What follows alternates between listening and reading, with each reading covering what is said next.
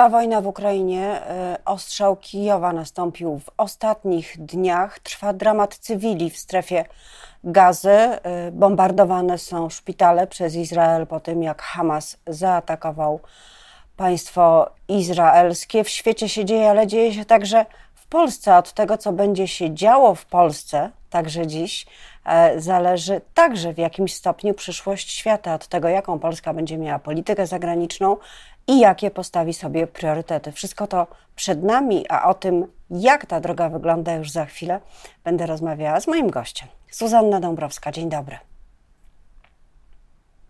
A moim gościem jest profesor Antoni Dudek, politolog. Dzień dobry, panie profesorze. Dzień dobry pani, dzień dobry państwu. 13, e, co prawda nie w piątek, tylko w poniedziałek, ale jednak 13, być może data wybrana przez pana prezydenta nieprzypadkowo, jak e, żartują w kuluarach niektórzy posłowie nowej większości, nowej koalicji. Czy można mówić, że od, że od dziś mamy już nowy układ polityczny i nową większość, jeśli oczywiście potwierdzi to wybór marszałka? No myślę, że tak, dlatego że byłoby gigantyczną sensacją, gdyby to, co ogłoszono nam przed weekendem, nagle nie zostało wcielone w życie, czyli gdyby Szymon Hołownia nie został wybrany marszałkiem Sejmu, bo to właściwie byłby koniec koalicji, która się dopiero ma narodzić, więc, więc to jest przesądzone. Natomiast pozostaje pytanie, co będzie z wyborem wicemarszałka z ramienia PiSu, czyli czy pani Witek zostanie wybrana, czy i co się stanie, jeśli nie zostanie wybrana, czy PiS y, wysunie kolejną kandydaturę, czy nie wysunie.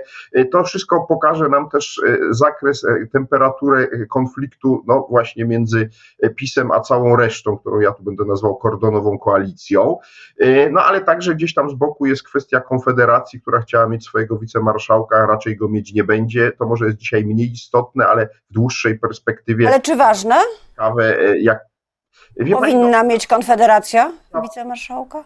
Ja uważam, że wszystkie kluby poselskie powinny mieć swojego reprezentanta w prezydium Sejmu, no chyba, że ich liczba przekraczałaby 10, a to nie jest ta sytuacja. Przy czym uważam też, że równocześnie żaden podmiot nie powinien mieć więcej niż jednego człowieka w prezydium Sejmu, a umowa koalicyjna, którą podpisano, przewiduje dwóch wicemarszałków dla koalicji obywatelskiej. Ja mówię zatem o swoim życzeniu, a o tym, jak będzie, oczywiście zdecyduje większość sejmowa i raczej wygląda na to, że nie będzie wicemarszałka z Konfederacji, że będzie dwóch wicemarszałków z Koalicji Obywatelskiej. No pozostaje najciekawsze pytanie, co z marszałek Witek e, i, i, i czy PiS zgłosi na jej miejsce, jeśli ona przepadnie kogoś innego, czy zbojkotuje w ogóle prezydium Sejmu.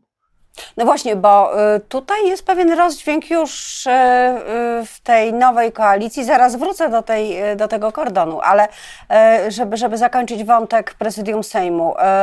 Donald Tusk tweetował e, nocą o tym, że nikt, kto łamał prawo, nie może liczyć na nagrodę w postaci stanowiska. Ewidentnie odnosi się to do pani e, e, marszałek Elżbiety Witek. Z drugiej strony PSL, na przykład ustami marszałka seniora Marka Sawickiego, mówi: Nie no, uważam, że kluby są suwerenne. Jeżeli marszałek łamała prawo, wtedy trzeba y, dochodzić tego drogą prawną, sądową i wtedy ewentualnie ona może stanowisko stracić. E, czy sądzi pan, że to y, będzie poważna różnica między koalicjantami, czy, czy to się jakoś tam utrze w zależności od decyzji PiSu? Mhm. Znaczy, zobaczymy o, to w trakcie głosowania, jednak moim zdaniem tu się bardzo wyraźnie zarysowało w tym konkretnym personalnym przypadku pewien dylemat, który stoi przed kordonową koalicję, a wiecie, jaki ma być zakres rozliczeń PiSu, no bo Donald Tusk ewidentnie występuje w roli jastrzębia, który mówi, już my wiemy, że pani Witek łamała prawo i nie będzie wicemarszałkiem, a PSL mówi, no sorry, ale na razie nie ma żadnego wyroku w tej sprawie, jak będzie, to wtedy możemy ewentualnie panią e, wicemarszałek Witek odwołać, a na razie jej się należy jako reprezentantce skądinąd największego klubu miejsce w prezydium Sejmu. Zobaczymy, jak e, Szymon Hołownia się w tej sprawie zachowa, bo tu najpierw jego partia, bo pamiętajmy, że najpierw będzie marszałek Sejmu wybierany, a dopiero później wicemarszałek marszałkowie, więc zobaczymy, jak on się tu też zachowa. To będzie bardzo interesujące, bo to nam pokaże w miniaturze, co będzie się dalej działo wewnątrz kordonowej koalicji, jeśli chodzi o różnego rodzaju działania wymierzone w Prawo i Sprawiedliwość i może nie kryje, spodziewam się, doprowadzić do kolejnych rozdźwięków, bo widać wyraźnie, że tu w tej sprawie nie ma i nie będzie nigdy jednolitości, natomiast zobaczymy, jak Donald Tusk bardzo będzie zdeterminowany w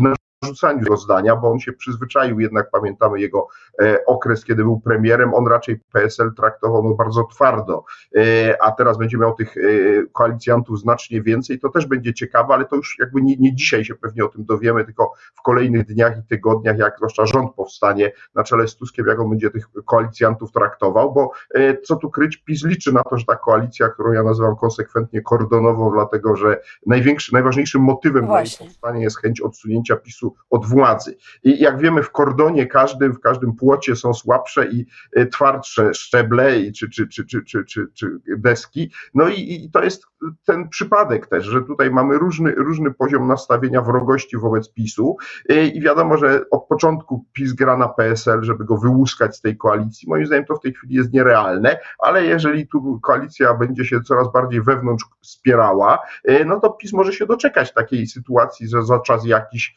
PSL stwierdzi, że jest mu nie po drodze jednak z e, kordonową koalicją i to nie znaczy, że od razu przeskoczy do łóżka PiSu, ale może w tym kierunku takiej po separacji zacząć zerkać tą stronę. Na pewno PiS będzie na to grał, ale też pod warunkiem, że, że no, zacznie zmieniać swoją retorykę katastroficzną, którą prezes Kaczyński dał popis ostatni weekend, to znaczy przestanie opowiadać, że właściwie Polska już tonie, że właściwie wszyscy zdradzili, my jesteśmy tą ostatnią redutą, no bo wtedy PSL też jest w obozie zdrajców. No właśnie, ale y, jest bardzo ważne pytanie, jaką opozycją będzie Prawo i Sprawiedliwość? Największy klub, y, naj, największa, najwyższa liczebność y, klubowa w Sejmie, jednak to jest bardzo silna pozycja. Tym bardziej, jeśli, e, jak mówi Szymon Hołownia, trzeba będzie naprawiać demokrację, e, zaczynając od Sejmu, czyli dopuszczać opozycję do głosu, czyli procedować projekty, które składa, e, nie robić, nie używać tej zamrażarki, która ja myślę, że jej nie wyniosą. Ona gdzieś tam w gabinecie będzie schowana,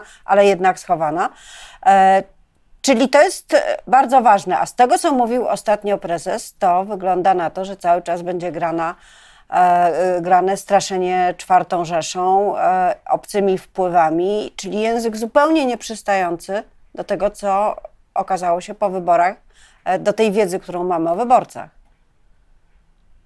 No tak, rzeczywiście wygląda na to, że PiS e, wcieli się teraz w rolę nowej totalnej opozycji, ponieważ na razie z ust lidera PiSu płynie jedynie ta krytyka tej, tej nowej koalicji i jej potencjalnych planów. E, więc e, rzeczywiście Hołownia będzie miał duży problem, jeśli będzie próbował jakoś, um, obniżyć temperaturę sporu politycznego w Sejmie i dać opozycji nieco więcej swobody niż to było w czasach rządów PiSu. No ale niemniej jednak to on będzie marszałkiem Sejmu, będzie rozdawał karty, pozostaje pytanie, e, jak, czy zmieni zdanie i jak szybko to zrobi. E, i, i, i zacznie mówić to, co ja przypomnę, prezes Kaczyński też dość długo obiecywał e, przed dojściem PiSu do władzy opozycji, tak zwany pakiet demokratyczny, ba, nawet była taka wypowiedź bezpośrednio po wyborach w 2015, tak, dotrzymamy słowa, ale już po paru miesiącach prezes Kaczyński udzielił kolejnego wywiadu i powiedział, no, nas traktowano haniebnie, a teraz się domagają jakichś nadzwyczajnych praw, nie będzie tego, im się to nie należy, mówiło wtedy o Platformie Obywatelskiej, więc zobaczymy, czy Szymon Hołownia pójdzie drogą prezesa Kaczyńskiego i też po tych wstępnych deklaracjach większej otwartości stwierdzi, że no to jest tak totalna państwowa, że nie można z niej, jej po prostu dawać żadnego szerszego pola e, w Sejmie, bo, bo to jest szkodliwe dla państwa i w związku z tym musimy e, wprowadzić czy utrzymać różne obostrzenia, które wpis wprowadził e, i wycofać się z różnych, z różnych no, takich powiedziałbym działań demokratyzujących Sejm. Zresztą w umowie koalicyjnej, z tego co pamiętam, nie ma na ten temat mowy, że tu nastąpią jakieś zmiany w funkcjonowaniu Sejmu, czyli wszystko jest w rękach obecnej nowej większości i marszałka zapewne Szymona Hołowni. No tak, ale w umowie koalicyjnej jest osobna część dotycząca rozliczeń poprzedniej władzy. Jak daleko powinna pójść nowa większość w tym rozliczaniu i gdzie postawić granicę między rozliczeniem a odwetem, tak, żeby wyborcy nie mieli wrażenia, że historia się powtarza e, za każdym razem i że nie ma tu zmiany jakościowej, jest tylko zmiana personalna? Wie pani, no to jest pytanie, na które nie ma jakiejś jednej odpowiedzi. Tu każdy będzie uważał e, albo, że te rozliczenia poszły za daleko, albo, że poszły za, za miękko, za słabo, że są niewystarczające.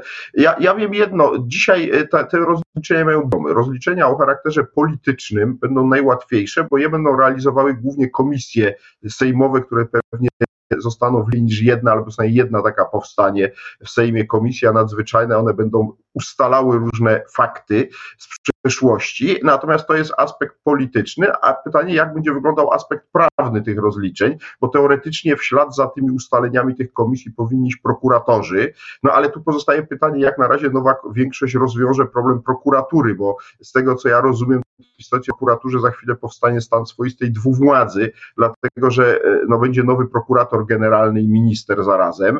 Zresztą koalicja chce rozdzielić te funkcje, ale na razie to jest jedna osoba. Tyle tylko, że on ma naprzeciwko siebie prokuratora krajowego odziedziczonego po e, rządach PiSu, no, który ma znaczną część kompetencji. Jego kompetencje zostały znacząco także kadrowe poszerzone w ostatnich miesiącach rządów PiSu. No i pozostaje pytanie, jak to zostanie rozstrzygnięte? E, czy tutaj się koalicja zdoła dogadać z prezydentem Dudą i wprowadził zmiany ustawowe, czy też, co podejrzewam, się nie dogada z prezydentem Dudą i będziemy mieli, no, mówiąc krótko, e, jakieś działania o charakterze no, poza, pozaustawowym i nie wiem, jak to się rozegra. Więc ja nie chcę wchodzić w szczegóły, co, kto, jak wiem jedno, e, gdybym ja miał typować osobę z ekipy rządowe, rządowej poprzedniej, która powinna moim zdaniem mieć regularny proces sądowy, uchylony wcześniej immunitet poselski, to jest pan Zbigniew Ziobro, ponieważ dla mnie on jest absolutnie numerem jeden, jeśli chodzi o skalę E, powiedziałbym, łamania prawa i, i, i, różnych działań antypaństwowych e, w czasach rządów PiSu. E, I zanim długo, długo nie, nie potrafię wskazać nikogo o równym poziomie szkodliwości dla państwa, więc on jest dla mnie takim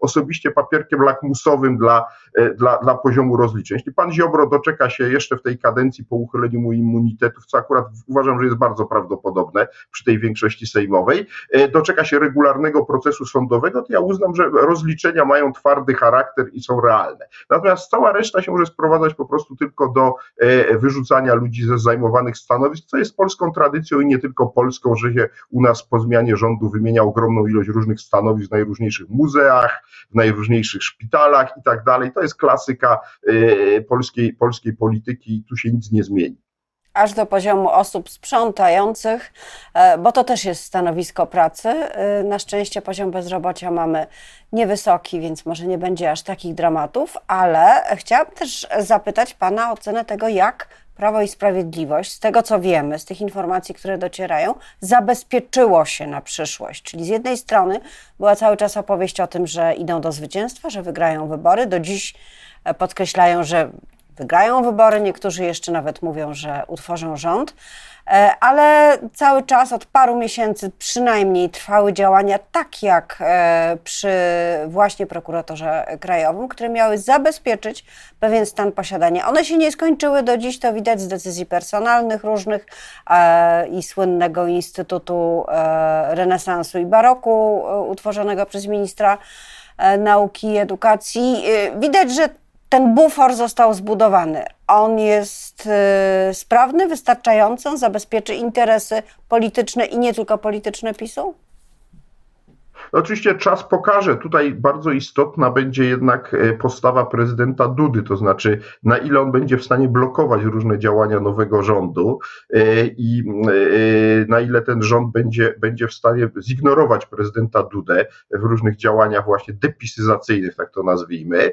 Natomiast co do tych zabezpieczeń, tego nigdy nie jest dość. No, wiemy już doskonale z przecieków, że jedną z pierwszych decyzji Sejmu będzie, będzie unieważnienie wyboru trzech sędziów zwanych sędziami dublerami, dublerami, dublerami w Trybunale Konstytucyjnym. To będzie przykład takich działań, które, jak sądzę, nowa większość sejmowa podejmie także i w odniesieniu do innych elementów e, starego pisowskiego państwa. No, to dotyczy przede wszystkim TVP, tu akurat nie se przyszły e, zapewne minister e, właściwy dla nadzoru nad spółkami Skarbu Państwa podejmie pewne działania, e, mówi się o likwidacji TVP, prawda, i wprowadzeniu tam likwidatora, więc będzie cały szereg takich działań, które pokażą, że to PiS nie był w stanie się w 100% zabezpieczyć, natomiast jest faktem, że no, przepompowano potężne środki do różnych instytucji, e, właśnie jak ten Instytut Renesansu, e, e, tylko już wcześniej te pieniądze zostały wydane, nie sądzę, żeby one były kiedykolwiek odzyskane. No pozostaje pytanie, no na przykład co z willą luksusową na Mokotowie, którą dostała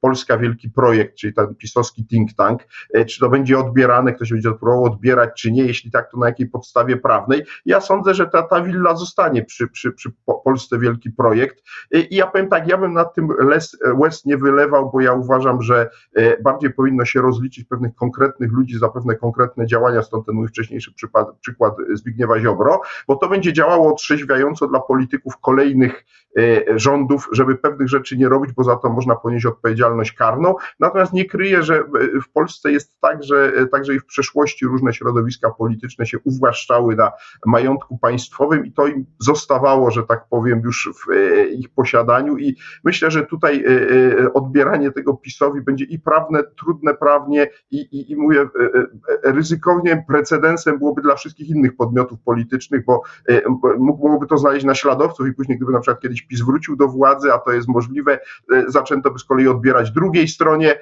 więc ja bym nie szedł w kierunku odbierania sobie, powiedziałbym, pewnej infrastruktury do uprawiania polityki, która w Polsce, powiedzmy sobie jasno, nie jest jakaś szczególnie obfita. To nie jest tak, że te partie są wielkimi właścicielami nieruchomości, że, że mają ogromne majątki. Nie, raczej partie w Polsce to są bieda partie w sensie ekonomicznym, co innego ich działacze. Oni często są ludźmi zamożnymi, ale partie, tak, ale to, organizmy... To są naczynia połączone. To są naczynia połączone. Jeśli partie biedne, to ich politycy są bogaci. Ja uważam generalnie, że w Polsce jedną z słabości naszych ustrojowych jest to, że myśmy nie zbudowali takiego stabilnego systemu partyjnego, ale nie w rozumieniu partii, które są w Sejmie, bo to akurat jest stabilne, tylko chodzi mi o ich zaplecze. To znaczy, mnie się marzy taki system partyjny, gdzie każda partia znacząca ma swój profesjonalny think tank, e, który rzeczywiście jest złożony z ekspertów, którzy analizują e, politykę rządu, jeśli są w opozycji, a jeśli ta partia jest rządząca, to wspierają e, analizami, projektami ustaw i tak dalej. Tego wszystkiego właściwie nie ma, dlatego że ani PiS, ani PO, mimo że dominują na teną polityczną prawie 20 lat, formalnie mają takie zaplecze, ale one są tak przeraźliwie mizerne, niewspółmierne w ogóle do skali na przykład dotacji budżetowych, jakie te partie dostają, że to wszystko wygląda mało profesjonalnie, ale to już jest marzenie ściętej głowy, ja sobie mogę takie rzeczy mówić. Tak wiemy, że jak politycy dostaną te pieniądze, to neitację wyborczą. Na koniec jeszcze pytanie e, o to, co właściwie poruszył Pan mówiąc o e, sędziach dublerach, Trybunale Konstytucyjnym, ale chodzi mi o tę zapowiedź e, unieważnienia werdyktu TK w sprawie aborcji. Są konstytucjonaliści, na przykład profesor Ryszard Piotrowski, którzy mówią, no to nie jest dobra droga, należy przyjąć ustawę dotyczącą aborcji, a nie unieważniać werdykty, albowiem one mają skutki prawne i nie może być tak, że jeden się unieważni, a drugiego podejmowanego przez ten sam Trybunał już nie. Co pan sądzi? No ja się zgadzam z profesorem Piotrowskim, natomiast ani ja, ani on nie będziemy o tym decydować. Decydować będą politycy i oni będą się powoływać na to, na PiS, że PiS otworzył pewien sposób procedowania uchwałami sejmowymi unieważniał poprzednie decyzje poprzedniego Sejmu, więc tutaj pokusa wyjścia w buty PiSu będzie ogromna nie tylko w tej sprawie. Więc, więc podejrzewam, że byłoby tak lepiej, oczywiście, jak mówi profesor Piotrowski, no ale wiemy doskonale, że prezydent Duda mógłby takiej ustawy nie podpisać i w związku z tym zostanie wybrana raczej ta droga, tym bardziej, że to jeszcze jest szybsza droga, bo uchwałę można podjąć momentalnie, a, a prawda, e, no droga ustawowa wymaga jednak nie tylko podpisu prezydenta, ale też przejścia przez Senat i tak dalej, to wszystko trwa, a tu koalicja będzie się chciała wykazać pewną sprawczością, że szybko coś potrafiła pierwszego dnia załatwić, czy na pierwszym posiedzeniu Sejmu, więc myślę, że Rada Profesora Piotrowskiego nie doczeka się niestety, y, ale realizacji. E, pewne jest jedno, czekają nas e, ciekawe najbliższe dni pierwszej sesji nowego parlamentu po wyborach. Bardzo dziękuję za tę analizę. Moim gościem był profesor dziękuję. Dudek. Miłego dnia Państwu życzę. Pozdrawiam Panią. Pozdrawiam Państwa. Dziękuję.